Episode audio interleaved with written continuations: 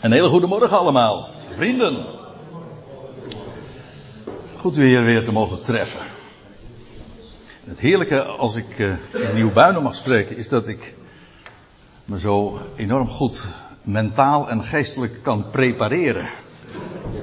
Het is geen plaats waar ik een spreekbeurt mag vervullen, waarin ik zozeer in de gelegenheid daartoe ben als, uh, als wanneer ik hier spreek. En eh, de kritische luisteraar die denkt, nou ik hoop dat ik dat ook mag merken. Nou, dat is aan u ter, ter beoordeling natuurlijk. Ik vraag vanmorgen eens uw aandacht voor dit thema wat u hier ziet geprojecteerd. Rolling Stones. En ik kan me niet voorstellen dat er iemand van u nu denkt dat ik het vanmorgen ga hebben over de bekendste, denk ik, rockgroep aller tijden. Nee, daar ga ik het niet over hebben. Hoewel ik moet toegeven dat de, de titel van deze toespraak wel een woordspeling daarop is. Dat klopt. Maar ver voordat rock and roll werd uitgevonden, en ver voordat de Rolling Stones in de luiers lagen, toen stond er al deze tekst in de Bijbel. En dat is deze in Marcus 15 bijvoorbeeld. En dan staat er, en deze, en dan gaat het over Jozef van Arimathea, die kocht linnen en legde hem in een graftombe dat in een rots uitgehouwen was en hij wentelde, hij wentelde een steen voor de ingang van het graf. En toen las ik dat een keer in een Engelse vertaling, de Concordant Version, en toen stond er dit, out of a rock, and he rolls a stone. Dus rock, roll, stones. Ja, dus dat heeft veel oudere papieren dan dat je in eerste instantie zou denken als je het over Rolling Stones en rock hebt. Ja. Ik wil u vanmorgen uiteraard bepalen bij de bekendste Rolling Stone, weggewentelde steen. Vorige week in het bijzonder is daarbij stilgestaan.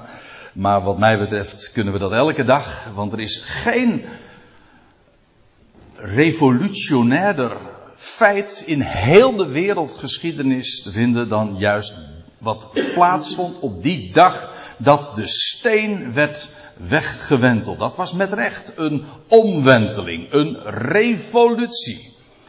Laten we eens daarbij stilstaan, dat wil zeggen bij dat grote feit. En dan wil ik u ook bepalen bij nog andere Rolling Stones in de Bijbel. Want nu hebben we het in de eerste plaats over het Nieuwe Testament natuurlijk. Waar trouwens verschillende keren ook sprake is van weggewentelde stenen. Want ook in de geschiedenis van de opwekking van Lazarus lees je al dat een steen moest worden afgewenteld of weggewenteld. Maar ik eh, neem u mee straks naar het Oude Testament, naar het boek Genesis zelfs. Laten we eerst eens die geschiedenis uh, lezen. Trouwens, ik wil nog op, voordat ik dat ga doen, wil ik u nog even erop wijzen dat er dan weliswaar in Marcus 15 sprake is van een steen. Maar als je elders leest, dan in hoofdstuk 27 van het Matthäus-evangelie staat er zelfs bij dat het een grote steen was. En in Marcus 16 staat zelfs de steen was zeer groot. En dat maakt het feit van de wenteling alleen nog maar grootser. Ja, met recht. En daar was trouwens nog een reden voor, maar daar wil ik het nog eens even over hebben. Want laten we die geschiedenis eens lezen in verband met die steen. En dan neem ik u mee naar Matthäus 27. Ik had natuurlijk ook uit Marcus of Lucas of Johannes, want in al die evangelie gaat het natuurlijk om, om, om dat grote feit. Maar met name in het Matthäus-evangelie worden nog wat meer details daarover vermeld, dus vandaar deze keuze. En dan staat er, en de volgende dag, dat is na de voorbereiding. De voorbereiding, dat is de dag dat het paascha geslacht wordt. De 14e Nisan. Ik zal u straks nog eventjes wijzen op de kalender. De volgende dag, dat is na de voorbereiding, werden de hoge priesters en de fariseeën verzameld bij Pilatus. Dus eigenlijk praat je hier over godsdienstige autoriteiten van het hoogste soort, hoge priesters, een eigenaardig fenomeen, maar ook de fariseeën en dan eh, Pilatus, maar hij had het hoogste gezag daar in het Joodse land en daar in Jeruzalem, het politieke gezag. Houd dat even vast, want ik kom daar straks nog over uh, te spreken als we het hebben over overheden en autoriteiten. Afijn, die hoge priesters en die fariseeën een dag later worden verzameld bij Pilatus en dan staat er, en zij, ze zeiden, Heer, wij worden eraan herinnerd dat die verleider, want zo spreken ze over Jezus, dat die verleider zei bij zijn leven, na drie dagen word ik opgewekt. Beveel dan, zo is hun voorstel, beveel dan het graf te verzekeren. Tot de derde dag. Opdat niet zijn leerlingen hem, opdat, pardon, opdat niet zijn leerlingen hem s'nachts zullen stelen. En tegen het volk zouden zeggen, hij werd opgewekt van de doden, want de laatste dwaling zou erger zijn dan de eerste. En Pilatus zei met nadruk tot hen: Jullie hebben een wachtpost. Ga heen, verzeker het naar jullie beste weten. Dus hij stemt in met het voorstel en hij geeft precies dat wat zij vragen. En dan staat er, en zij nu gingen heen en verzekerden het graf, de steen verzegelend met de wachtpost en dan in de avond nu van de Sabbatten. Ja, ik lees dat er even bij. Dat is in de gangbare vertalingen wordt vers 1 bij het volgende hoofdstuk geplakt. Maar ik, ik, kom daar zo nog even op terug. Eerst even nog dit. Ze gingen heen, ze verzekerden het graf met de, de wachtpost. Maar bovendien gebeurt er dan nog iets. Namelijk de steen die wordt, die al zeer groot was, die wordt verzegeld. En dat betekent dat hij een Romeins uh, ja, Romeins zegel ontving. En dat wil zeggen, feitelijk, de Caesar, keizer, die gaf daarmee ook aan dat dit vast stond en mocht uh, alleen op straffen van de dood. Nee, ik zeg het uh, helemaal niet goed. Op, het was op straffen van de dood dat dat zegel verbroken zou worden. Dus daarmee de, de hoogste autoriteit, de het hoogste gezag in Rome, de keizer zelf, gaf daarmee feitelijk aan, deze steen blijft hier. En ik kom daar straks nog eventjes op terug. Eerst wil ik nog eventjes wijzen op wat, hoe het gegaan is, want het, het, het wemelt van de sabbatten uh, in de beschrijving en dat lijkt wat verwarrend. En ik geef me trouwens direct toe dat hier op wat ik nu naar voren breng wel ook wat andere visies bestaan. Trouwens, wat ik vertel is ook nou niet echt direct gangbaar. En uh, ik heb helemaal niet de intentie en ik steek ook niet mijn nek uit om dat nu even helemaal uit de doeken te doen. Ik vertel u gewoon hoe ik dat versta. Het was op de 14e Nisan dat de Heer stierf. Ja, inderdaad, ik geloof dat dat op een donderdag was. Nogmaals, we gaan er niet over strijden, maar ik wil u even vertellen hoe dat dan uh, uh, zin geeft in, die hele, in dat verhaal. Het punt is namelijk dat er twee sabbatten achtereen waren, vielen. En vandaar ook dat je leest in de avond, in de avond van de sabbatten. Het punt is, de 14e Nisan, dat was die dag van de, eh, de voorbereiding, dat was de dag dat het Pascha geslacht werd. Je leest dat in Leviticus 23 al, die datum. Nou, ons Pascha is geslacht. Uiteraard op de dag, dat lijkt mij nogal voor de hand liggend, op de dag dat het Pascha geslacht zou moeten worden, namelijk op de 14e. De dag daarop, dat is een jaarlijkse sabbat, want dat was namelijk het begin van het feest van de ongezuurde broden.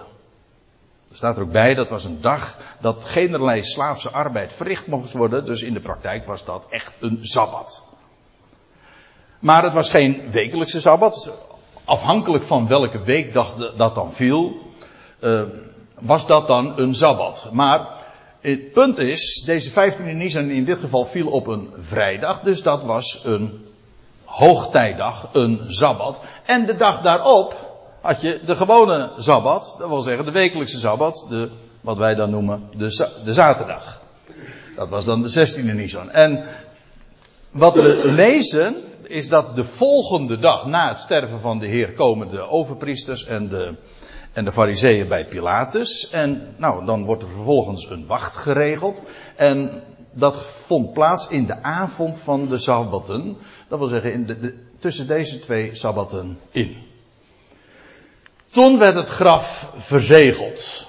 Nou, uh, dan lezen we nog even verder. En dan staat er in het aanbreken van de dag van de Sabbaten. Ja, in de gebruikelijke vertalingen staat de eerste, de eerste dag van de week. Maar dat staat er echt niet.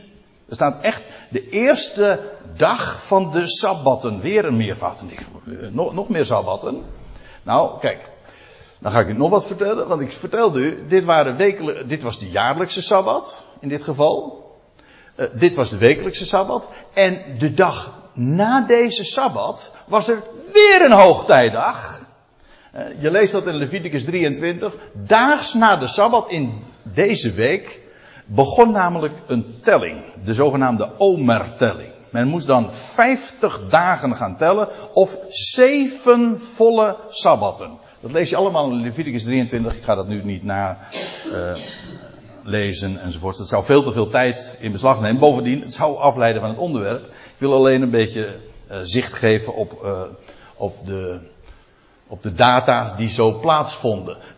Kijk, en dit is een hele bijzondere dag. Die 14e Nisan was een hele bijzondere dag, omdat het paascha geslacht werd. Vervolgens volgden er twee sabbat. Maar de, de dag na de sabbat was er weer een hoogtijdag. Dat was namelijk de dag van de eerstelingsschoof. Toen begon de omertelling en ook de sabbatentelling. Men moest toen, vanaf die dag, moest men zeven sabbaten gaan tellen. Dus het was de eerste dag van de sabbatentelling. Er een reeks van sabbaten die men moest gaan tellen. En dat was deze dag, de eerste dag van de sabbaten. Dus er staat niet de eerste dag van de week. Ja, naar mijn overtuiging was het wel een, eerste dag van de week. Een, een, gewoon een zondag. Dat, maar het is veel meer. De eerste dag van de Sabbaten wil zeggen, het is de eerste dag van de omertelling. Het is de eerste dag, nee, laat ik het anders zeggen. Het is de dag van de eerstelingsschoof. Dat wil zeggen dat de eersteling van de eerstelingsschoof van de gerstenoogst werd dan door de hoge priester bewogen en werd aan Yahweh aangeboden. De eersteling van de oogst. En als deze dag al bijzonder was omdat het paascha geslacht werd, dan was de dag na de Sabbat, dus in dit geval de 17e Nisan, was weer zo'n markante dag. Want het was namelijk precies de dag van de eerstelingsschoof. En op welke dag zou God nou hebben bepaald dat zijn zoon uit de doden zou opstaan als eersteling? Als eerstgeborene uit de doden. Anders dan deze dag die hij al pakweg 1500 jaar eerder had gefixeerd. Dat is toch bijzonder. Dat God het zo heeft vastgesteld. Die dag wordt het lam geslacht en die dag zal de eersteling uit de doden worden opgewekt. Dus dat was een hele bijzondere dag. Als, als, als je in het Nieuwe Testament leest, eerste dag van de week, dan is dat dus maar niet zomaar een eerste dag van de week. Het is de eerste dag van een reeks van Sabbatten. Zeg maar, de, de eerste dag uh, Pasen, wanneer men ging tellen tot aan Pinksteren aan toe. Pinkster is dan de vijftigste dag. Nou, ik hoop dat u er nog bent. Want het is misschien een beetje ingewikkeld allemaal. Maar het valt wel mee hoor, denk ik. In ieder geval, uh, tot zover even wat die data betreft. Want dan lees je in het aanbreken van e- één dag van die sabbatten, dus die, die, die dag van de eerstelingsschoof, ging Maria, de Magdalense, en de andere Maria, dus er waren niet alleen maar verschillende, eh, allerlei sabbatten, die je door elkaar kan gaan houden, uh, door, door elkaar kan gaan halen, maar er zijn ook nog verschillende Maria's die je door elkaar, door elkaar kunt gaan halen. En die beide Maria's die gingen om het graf te aanschouwen. Vroeg in de ochtend je. En neem waar, staat er. En zie, er kwam een grote aardbeving, want een boodschapper van de Heer daalde af uit de hemel en kwam nader en wentelde de steen en zette zich daarop.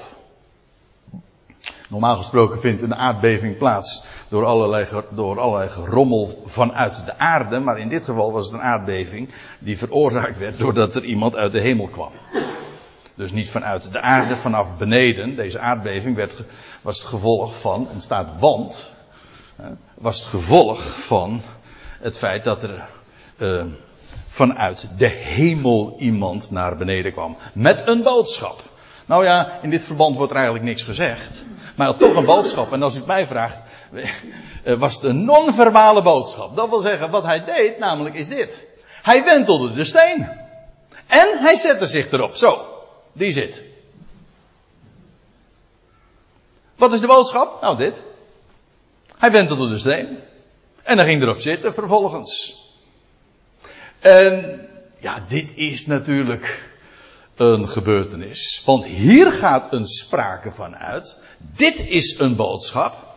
Want wat er gebeurde was die zeer grote steen. Die bovendien verzegeld was. En, nou ja, we hebben gelezen een Romeinse wacht. Ik heb begrepen dat dat uh, in ieder geval zes man sterk is geweest. Bewapend. Dus uh, het graf was zeer verzekerd. En de steen, die wordt weggewenteld. Het verzegeld met het gezag van de Romeinse keizer. En die steen, die wordt weggewenteld. En dat vind ik nou zo leuk, hè? want hier wordt eigenlijk de boel gewoon omgekeerd. Of zal ik het zeggen, uh, wordt omgewenteld. Want wat hier eigenlijk gebeurd is, men op straffen van de dood zou de steen worden weggewenteld. Iemand, degene die dat zou doen, die zou sterven. Maar in werkelijkheid is het precies omgekeerd. Degene, of de reden waarom deze steen werd weggewenteld, is juist de reden dat de dood wordt overwonnen. Nou, wat zeg ik? De dood is overwonnen en zal worden teniet gedaan. Dus eh, ook dat is al een geweldige omkeer. Maar hier, wordt, hier worden de autoriteiten, politiek, Pilatus, de keizer feitelijk. En religieus, de overpriesters, de fariseeën, die worden allemaal in hun hempie gezet en te kijk gezet. En dit is nou met recht een revolutie. Want de overheden en machten, die worden hier gewoon met recht. Ja, ik gebruikte het woord. Te kijk gezet. En zo wordt dat later in de brieven van Paulus ook geformuleerd. In, in Colossense 2. En dan lees je in vers 15. Hij, en dan gaat het over de Heer Jezus Christus. Hij ontwapende de overheden en de autoriteiten. Van welk soort dan ook. De overheden, dat is eigenlijk de bron van gezag. In zekere zin zou je ook kunnen zeggen de Romeinse keizer. Maar ook de autoriteiten, dat wil zeggen dat wat gedelegeerd gezag is. Uh, Pilatus, de overpriesters, de fariseeën. Hij ontwapende de overheden en de autoriteiten, hen vrijmoedig tentoonstellend. En daarin over hen triomferen. Die steen die werd weggewenteld, die, die grote, zeer grote steen die die was verzegeld met de Romeinse wacht. Die werd weggewenteld en daarmee ontwapende hij de overheden. En zette hij ze volkomen in hun hemd. Dit is revolutie. Revolutie betekent letterlijk ook omwenteling. Dit is de grote revolutie. Want vrijmoedig, niet in de MBG-vertaling staat openlijk hen tentoonstellend. Nou, zo openlijk was het niet, maar wel vrijmoedig hen tentoonstellend. Dit was wereldschokkend. Ja, niet alleen aardschokkend, maar wereldschokkend. Ik denk trouwens, maar dat is even een ander punt, dat die steen niet werd weggewenteld of afgewenteld van het graf om de Heer eruit te laten. Want uh, als ik de hele geschiedenis van de opstanding zo lees in de Bijbel, dan, uh, dan is dat helemaal niet uh, van belang. En dat doet dat ook niet de zaken. Diezelfde dag, datzelfde, diezelfde etmaal, lees je nog dat de Heer, terwijl de discipelen bang bij elkaar zijn, in, uit angst voor de autoriteiten, hè, staat er, um, dat ze de deuren en de ramen gesloten hadden. En wat lees je dan? En de Heer stond in hun midden. Dus ondanks die deuren en ondanks die ramen die gesloten waren, stond hij in hun midden. Ik denk toch niet dat die steen moest worden weggewenteld om de Heer eruit te laten. Later lees je trouwens voor die engel ook precies de reden waarom die steen in ieder geval wel moest worden weggewenteld. Niet om de Heer eruit te laten, maar om de mensen, de discipelen bijvoorbeeld, erin te laten. Zodat ze, en ziet, dan zegt die engel ook, hè, want die gaat dan ook daadwerkelijk spreken en hij zegt, ziet de plaats waar gij hem hebt neergelegd.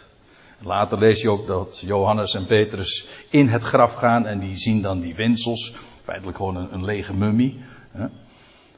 Een soort van, uh, ja, een soort van pop. Hè? Maar dat was dus juist om de mensen ervan te overtuigen dat het graf leeg was. Dat is de grote omwenteling die hier plaatsvindt. En heeft plaatsgevonden. Dit is het grote feit. De dood is overwonnen. En dit is de garantie dat de dood eens volledig teniet gedaan zal zijn. Dan zal er geen dood meer zijn. Dat is in feite de essentie van het evangelie. De dood is overwonnen in het verleden en zal uiteindelijk, want het is de laatste vijand, worden teniet gedaan. Dan zijn alle mensen levend gemaakt. En als allen levend gemaakt zijn, ja, dan is er geen dood meer. En dat is de triomf van Pasen. Dat is de grote omwenteling. Dat is die zeer zware steen die is weggerold. En er zijn nogal wat geschiedenissen die daar al veel eerder naar verwijzen. En dat vind ik het schitterende ook van, van de schrift. Want de Bijbel is, als je het Oude Testament zo leest, ja, al die verhalen, geschiedenissen. Het is feitelijk een plaatjesboek. Vol met illustraties. En God spreekt daar al over degene die zou komen. Niet alleen in de data, hè, wanneer het lam geslacht zou worden en wanneer de eersteling, de eersteling van de oogst voor, voor de heren bewogen zou worden. Niet alleen dat, maar ook in allerlei geschiedenissen. En die hele schrift is, het is met recht ook levend woord, omdat het allemaal getuigt van leven. En ook al zijn het geschiedenissen van mensen die al lang overleden zijn, het getuigt van leven. In alle opzichten. Nou neem ik u mee naar Genesis. Ja. Want er zijn nog veel meer rollende stenen dus. Hè? Rolling stones in de schrift. En ik neem u mee naar Genesis. Voor bij mijn weten is dat de eerste keer dat er sprake is van een steen die echt weggewenteld wordt. En dat is in Genesis 29.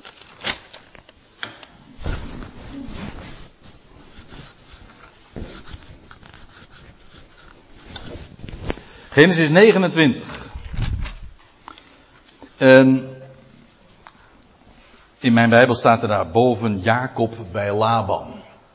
En dan staat er nog, nou ja, laat ik eventjes dan vanaf vers 1 lezen. Ik, eh, ik heb hier geprojecteerd vers 2. Ik lees even voor uit de Bijbel. En Jacob begaf zich op weg en ging naar het land der stammen van het oosten. Toen hij, Jacob, rondkeek, nou moet ik erbij zeggen, daar was al natuurlijk het een en ander aan vooraf gegaan. Ja, u zegt de, dat zijn 28 hoofdstukken. Dat begrijp ik, maar ook het punt is, uh, die Jacob, ja, die was uh, gevlucht. Dat lezen we in, inderdaad in het voorgaande hoofdstuk. Hij was gevlucht voor zijn broer Esau. U kent uh, de, de, de, geschiedenis, daar ga ik even gemakshalve van uit. Hij was gevlucht voor zijn broer.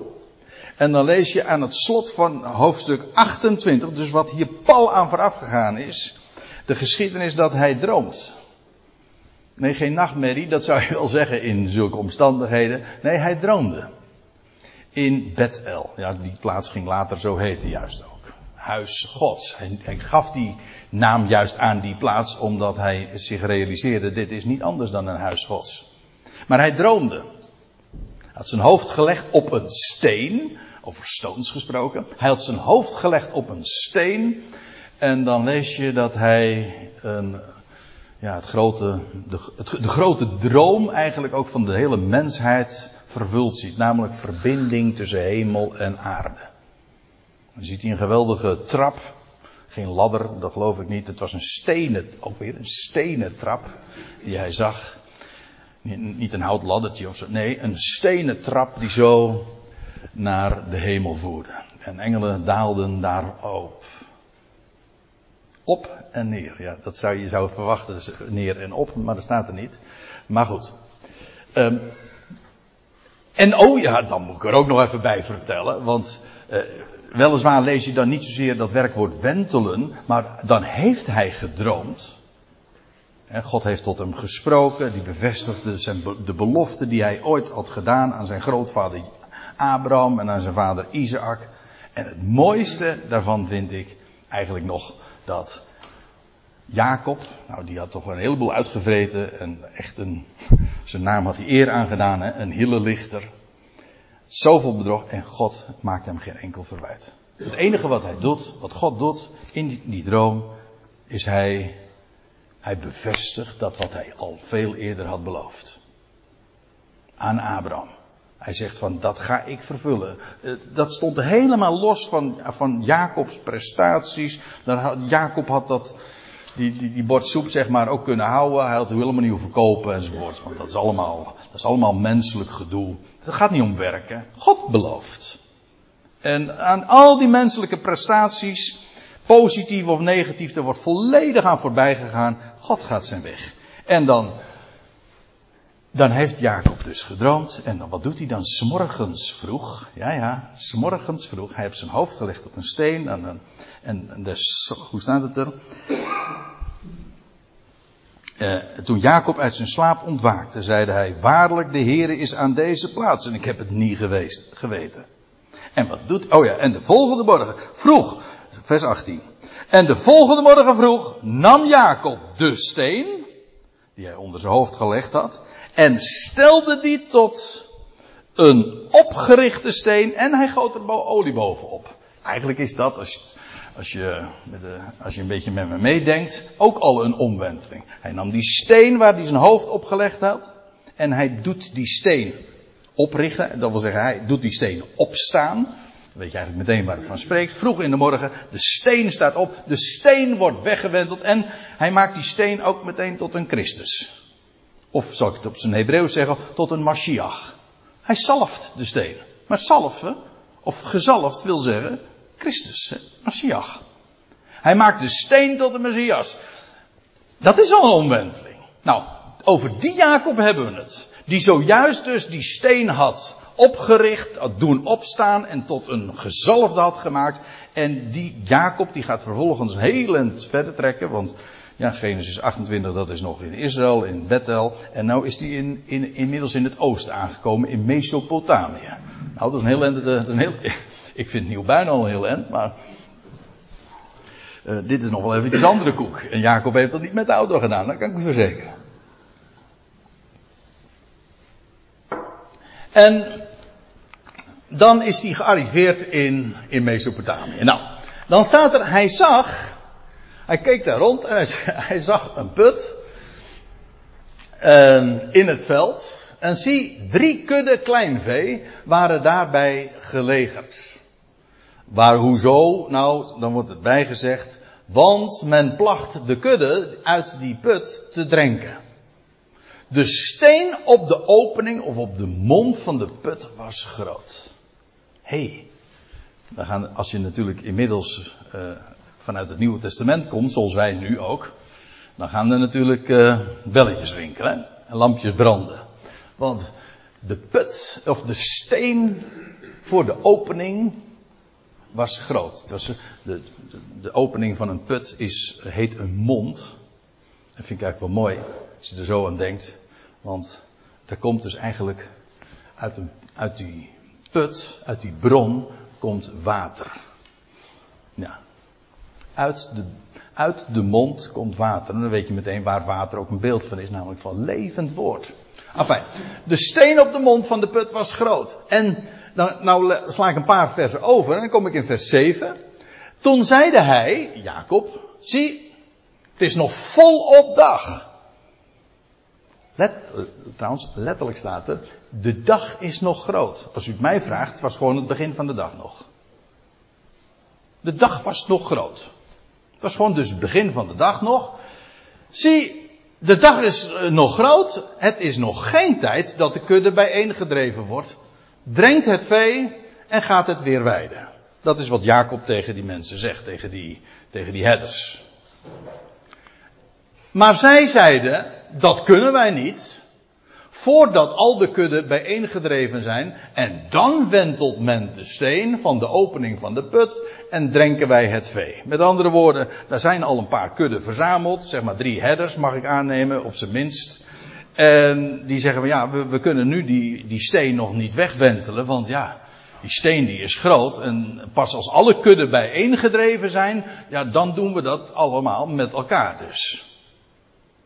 Die, die steen, uh, die kunnen we die kunnen wij niet wegwentelen. Dat doen we dus pas aan het uh, eind van de dag, van, aan de avond gebeurt dat. Nou, en nou gebeurt er iets. En dat verwacht je helemaal niet. Zeker niet van Jacob. Terwijl hij, Jacob, nog met hen sprak, kwam Rachel eraan. Die die trouwens helemaal nog niet kende hoor. Blijkt ook uit de geschiedenis. Met het kleinvee van haar vader want zij was een herderin. En dan staat er, zodra Jacob Rachel zag, en het kleinvee van Laban, trad Jacob toe, wentelde de steen van de opening van de put en drenkte het vee van Laban. dat, is eigenlijk, dat is ook lachwekkend. Hoe kan dat? Het is bovenmenselijk. Want Jacob kon dat uh, normaal gesproken absoluut niet in zijn uppie. Bovendien, Jacob heeft nogal, zeker bij ons toch de reputatie, een, nou, laten we zeggen, een mietje geweest te zijn. Het was nou, hoe staat het er ook? Het was een huisman en hij zat bij moeders, de vrouw. Uh, in tegenstelling tot Esau. Als je dat nou nog van Esau had gelezen, zelfs dan had het niet gekund. Maar, maar hier, Jacob, die wentelt de steen. Hij wentelde de steen. En dan staat er ook bij wat hem die kracht gaf. Want er staat, zodra Jacob Rachel zag, dat bleek dus zijn, eigenlijk zijn nicht te zijn, het was eh, een dochter van zijn oom Laban, die erin was en die had dus uh, kleinvee bij zich. Toen trad Jacob toe, hij wentelde de steen van de mond van de put en hij drenkte het vee van Laban. Dit is de eerste keer in de Bijbel dat je echt leest van een grote steen die wordt weggewenteld op een bovenmenselijke manier, want dat is de wijze waarop het hier wordt voorgesteld. Normaal gesproken waren daar, ik weet niet hoeveel headers voor nodig, zoveel mankracht om die steen in beweging te krijgen. En Jacob ziet daar Rachel aankomen, wat hij geweten heeft, uh, of vermoed heeft, dat, dat weet ik niet, maar in ieder geval ze zeggen wel eens een keertje, als je verliefd bent, hè, want dat is toch, lijkt wel aan de orde, dan ben je tot heel veel dingen in staat. Nou, Jacob, hij ziet Rachel en dan, wat doet hij? Hij op de steen. Naar de mens gesproken kon dat helemaal niet. Nou, het zal u niet verbazen dat hier natuurlijk een sprake van uitgaat. Dit is maar niet alleen maar een geschiedenis zoals dat ooit heeft plaatsgevonden met Jacob. Die gevlucht was en dan komt hij bij zijn oom Laban. En dit heeft natuurlijk plaatsgevonden. Het is gewoon geschiedenis. Dit zijn feitelijk ook, ik denk dat dit letterlijk ook is opgetekend door Jacob zelf, zijn zijn eigen memoires. Hij heeft dit opgetekend. Maar daar zit veel meer onder de oppervlakte. Er zit veel meer in die bron. Hè? Je moet, uh, eigenlijk dat is ook precies de sprake die van een bron uitgaat. Je moet, uh, bij een bron ga je de diepte in. Nou, dat doen wij ook. Hè? En wat, wat, wat kom je dan tegen? Dan kom je water tegen, wat je in leven houdt. Levend water. Hè? Ik, weet, ik ken iemand ander die bij de, bij de Jacobsbron was. En die ook vroeg naar water. En toen degene die bij die bron zat, Die zegt van, nou als je geweten had met wie je van doen hebt, dan zou je hem gevraagd hebben om levend water. Nou, dat is waar, wat, waar het werkelijk van spreekt. De steen wordt weggewenteld, hier, in deze geschiedenis. En wat er er plaatsvindt, is ja, dat een, verwijzing naar het grote wonder, het centrale heilsfeit van heel de wereldgeschiedenis, van heel de heilsgeschiedenis. Alles is op die steen gebouwd en gebaseerd. Het is met recht de hoeksteen. De rotssteen. Ja. En ik zei al, daar zit hier natuurlijk een, veel meer in de diepte. Als we hier uit deze bron gaan putten, wat je dan ziet, is een, een geweldige typologie. Een heenwijzing naar hoe het zou gaan. Want de verzameling van de kudden, als je dat in de, in de Bijbelse profetie ook leest, ja, waar spreekt dat van? Het spreekt van de toekomst. Van wat er gaat gebeuren in het vrederijk, spreekt van de tijd dat de volkeren zullen optrekken naar de stad van Jacobs God. En ik, zie, ik zinspeel hier ook op wat hier staat in Jezaja 2. Dat de volkeren zullen optrekken naar, naar, naar, inderdaad, zo staat het er ook, naar het huis van Jacobs God. Dan worden de kudden, al die, niet alleen de kudde van Israël, maar er, wordt, er worden alle kudden verzameld en die gaan optrekken naar Jeruzalem. Ja, eerst in een oorlog, maar later in het vrederijk zullen ze optrekken naar Jeruzalem. Waarom? Nou, dan staat er ook van, want, in datzelfde Jezaja 2, want van Jeruzalem zal Jahwes woord uitgaan. Des Heren woord zal uit Jeruzalem gaan en, des, en de wet van Sion, de, de Torah zal van Sion uitgaan. Dat wil zeggen, ze gaan inderdaad. Al die kudden komen daar bijeen en ze komen bij de bron, bij Jeruzalem. Want Jeruzalem is de plaats waar de bron is, hè, waar ook de steen werd weggewenteld. En daar komen de kudden en daar worden ze verzameld. En daar krijgen ze werkelijk leven. Namelijk dat wat uit de mond voortkomt. Want uit, eh, want ze zullen optrekken naar Jeruzalem, want des Heeren woord zal uit Jeruzalem uitgaan en zijn wet vanuit Sion. Kijk, dat is, dat is een plaatje van wat er binnenkort in de toekomende Aion gaat gebeuren. De volkeren naar, die naar Jeruzalem gaan, zullen optrekken. Ik zie die kudden die verzameld worden in de avond, hè, het einde, als een type van de volkerenwereld die naar Jeruzalem zullen optrekken. Maar, en bovendien, die zullen, zullen dan ook gedrenkt worden. Met recht, ze, zullen drinken. Bij de Jacobsbron. Hè, van levend water krijgen. Maar, en nou het bijzondere van deze geschiedenis is, is dat die steen al veel eerder dan dat de kudden verzameld zijn, dat de steen al veel eerder wordt weggewenteld.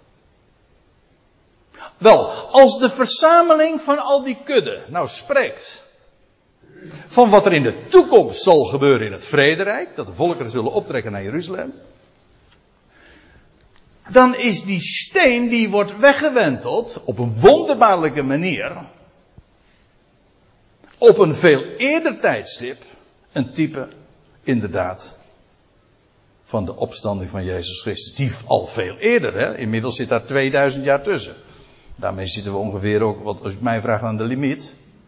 Maar goed, daar zit een, dat is op een veel eerder tijdstip wordt de steen weggewenteld. En waarom? Nou, en dat vind ik ook zo mooi. Die steen die wordt weggewenteld uit liefde voor Rachel. Dat is de toekomstige bruid.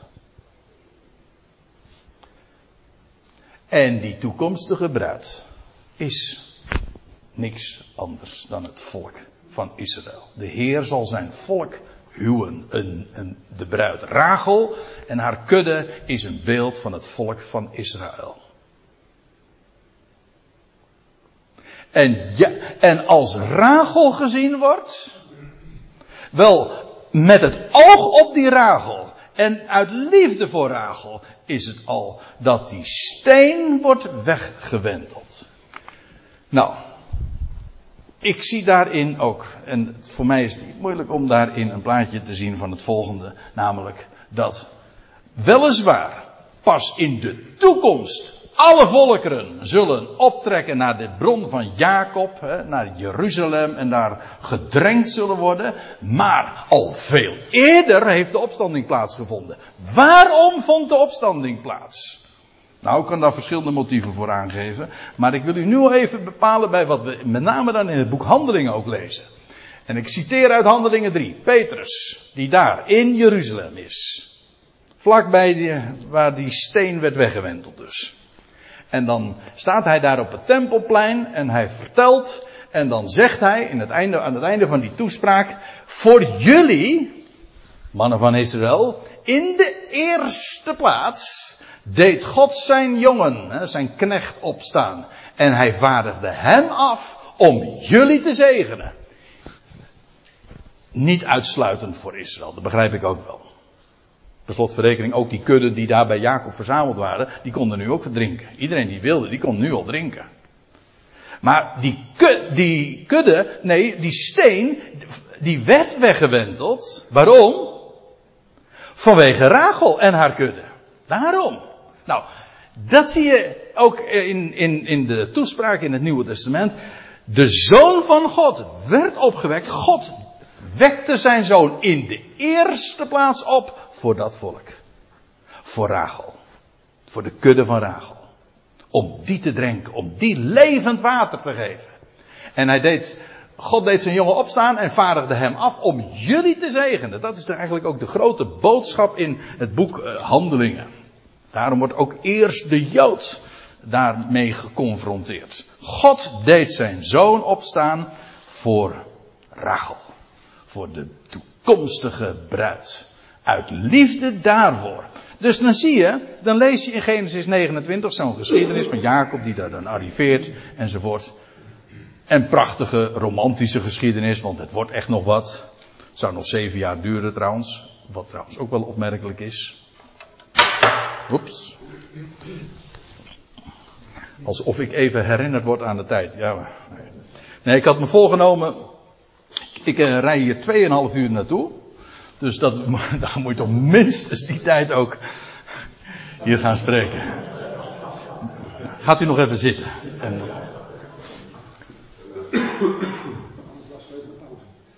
Nee, dat doen we, niet, doen we toch maar niet. Nee, nee want uh, ja, kijk, ik zou u natuurlijk bij nog veel meer geschiedenis kunnen bepalen.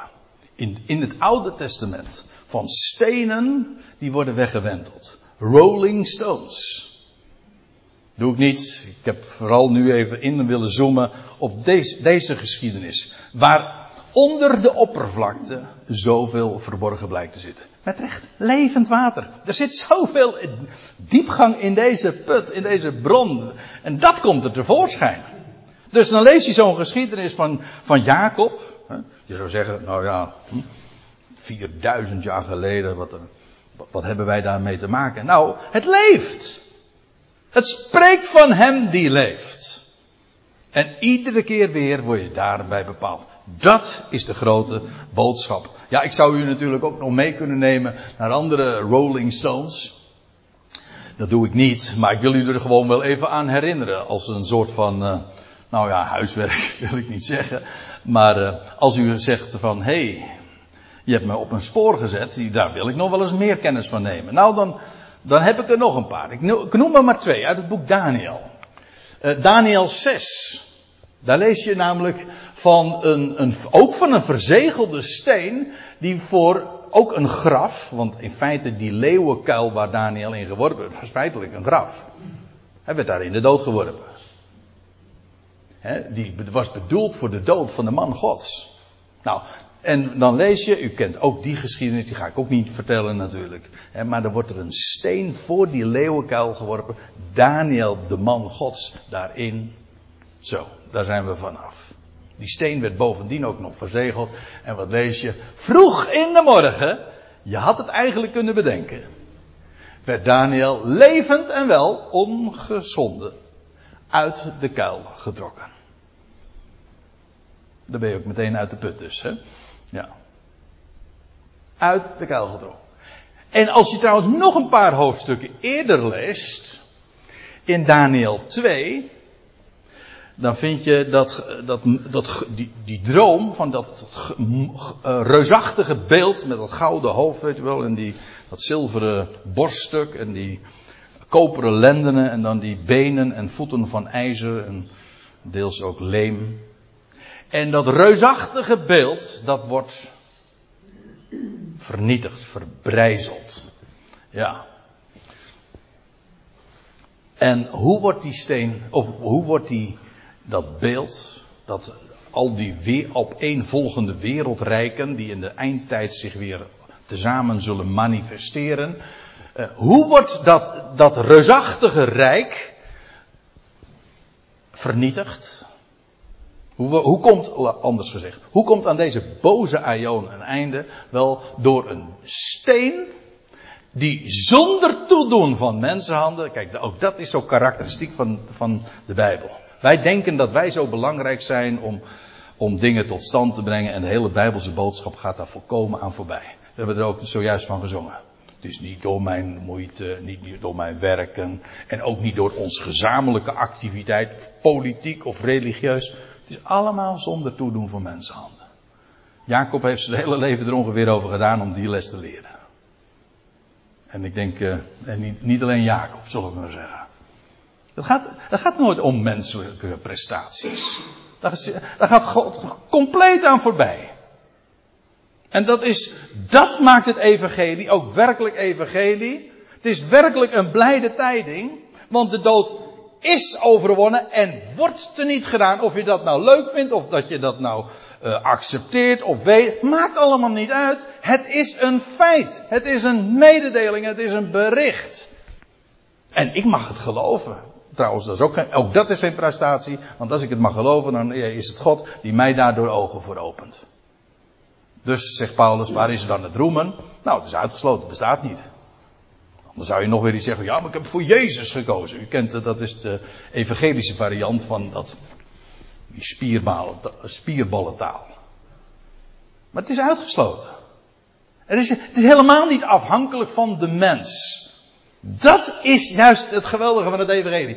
Ook hier, ook politiek gezien. Hoe zal het zo aflopen dat aan al deze wereldrijken, met, met hun macht, misbruik en, en met, uh, nou ja, zoveel duizend jaren heeft men gepoogd de hemel te bereiken.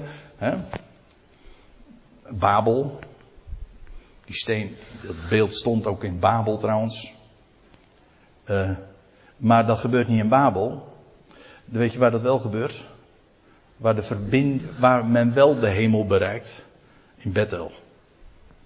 Hoef je alleen maar je ogen dicht te doen. En je hoofd op een steen te leggen. En dan zie je wat God doet. En die brengt de verbinding aan. Tussen aarde en hemel. Dat is, helemaal, dat is Gods werk. En God belooft dan. Zonder toedoen van mensenhanden. En dat beeld, er bleef helemaal niks van over, want je leest die, dat die steen, ik ga er ook weer hier even vanuit dat u, dat u die geschiedenis kent, die steen die dan eh, zonder toedoen van mensenhanden losraakte en vervolgens raakte het beeld van wereldrijken en vervolgens verbrijzelde. Werd dat enorme beeld, wat al die wereldmachten uitbeeldt, verbrijzeld. Over revolutie gesproken. Revolutionair is deze steen hoor. Want al die wereldmachten en al, hun, al die overheden en autoriteiten, ze worden teniet gedaan. Vernietigd, verbrijzeld, ver, verpulverd. En vervolgens lees je dan ook nog dat die steen groeide en de hele aarde vervulde. Kijk, dat is de steen. Dat is nog zo'n steen die aan het rollen ging. En die dat alles tot stand brengt. Zonder toedoen van mensenhanden. Kijk, en dat maakt het evangelie nou werkelijk tot evangelie. En daar ben ik zo verschrikkelijk blij mee. En dat wilde ik graag vanmorgen melden. En uh, met u delen. Ik stel voor dat we een lied gaan zingen.